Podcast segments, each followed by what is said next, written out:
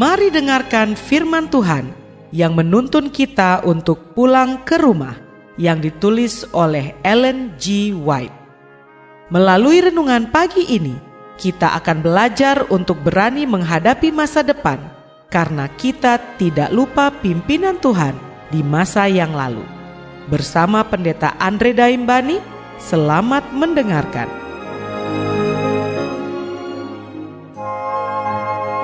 Shalom, selamat pagi saudaraku.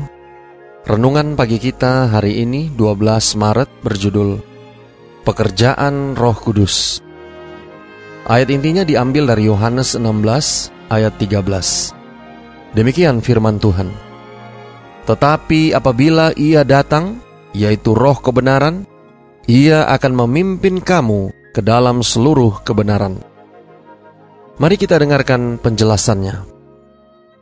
Pekerjaan Roh Kudus dengan jelas ditentukan dalam perkataan Kristus. Dan kalau ia datang, ia akan menginsafkan dunia akan dosa, kebenaran, dan penghakiman. Dicatat dalam Yohanes 16 ayat 8. Roh Kuduslah yang menghukumkan dosa. Jikalau orang berdosa menyambut pengaruh yang menghidupkan dari Roh Kudus, ia akan dibawa kepada pertobatan dan dibangkitkan kepada pentingnya menurut tuntutan ilahi. Kepada orang berdosa yang bertobat, lapar dan dahaga akan kebenaran, Roh Kudus menyatakan domba Allah yang mengangkut dosa isi dunia. Ia akan memuliakan aku, sebab ia akan memberitakan kepadamu apa yang diterimanya daripadaku kata Kristus. Dialah yang akan mengajarkan segala sesuatu kepadamu dan akan mengingatkan kamu akan semua yang telah kukatakan kepadamu. Dicatat dalam Yohanes 16 ayat 14 dan Yohanes 14 ayat 26. Roh itu diberikan sebagai alat untuk memperbarui, untuk membuat keselamatan itu berhasil oleh kematian penebus kita. Roh Kudus selalu menarik perhatian orang-orang kepada persembahan besar yang telah diadakan di salib Calvary untuk membuka kepada dunia kasih Allah dan untuk membuka kepada jiwa yang berdosa perkara-perkara yang indah dari kitab suci.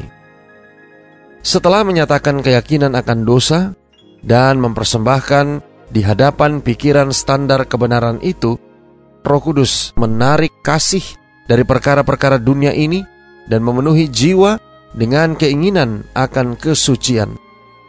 Ia akan memimpin kamu ke dalam seluruh kebenaran. Dicatat dalam Yohanes 16 ayat 13 kata juru selamat.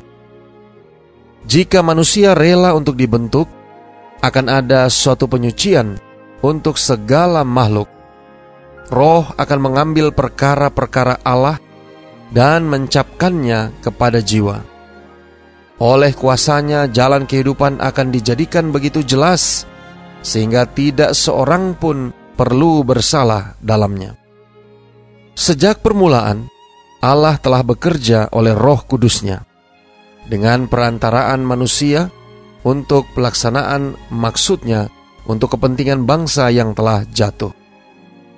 Saudara-saudara yang kekasih di dalam Tuhan, Roh dari Yang Maha Kuasa sedang bekerja dalam hati manusia, dan mereka yang menyambut pengaruhnya menjadi saksi bagi Allah dan kebenarannya.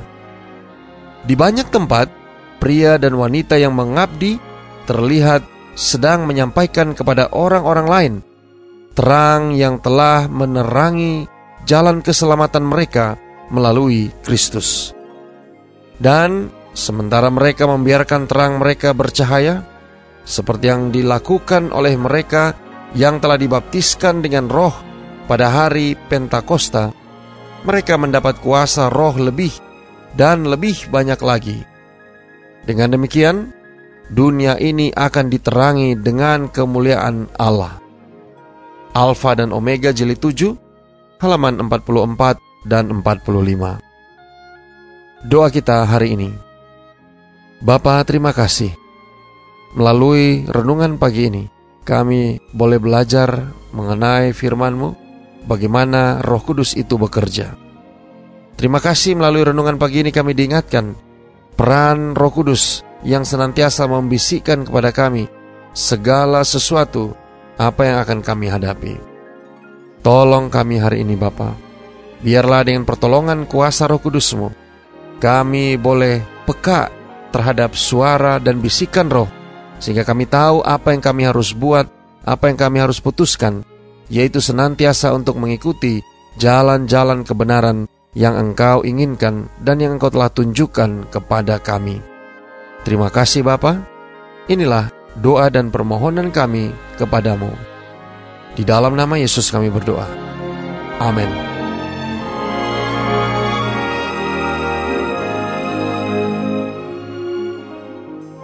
Demikianlah tadi pembahasan tentang pulang ke rumah. Semoga firman Tuhan hari ini dapat menjadi berkat bagi Anda. Sampai jumpa, Tuhan memberkati.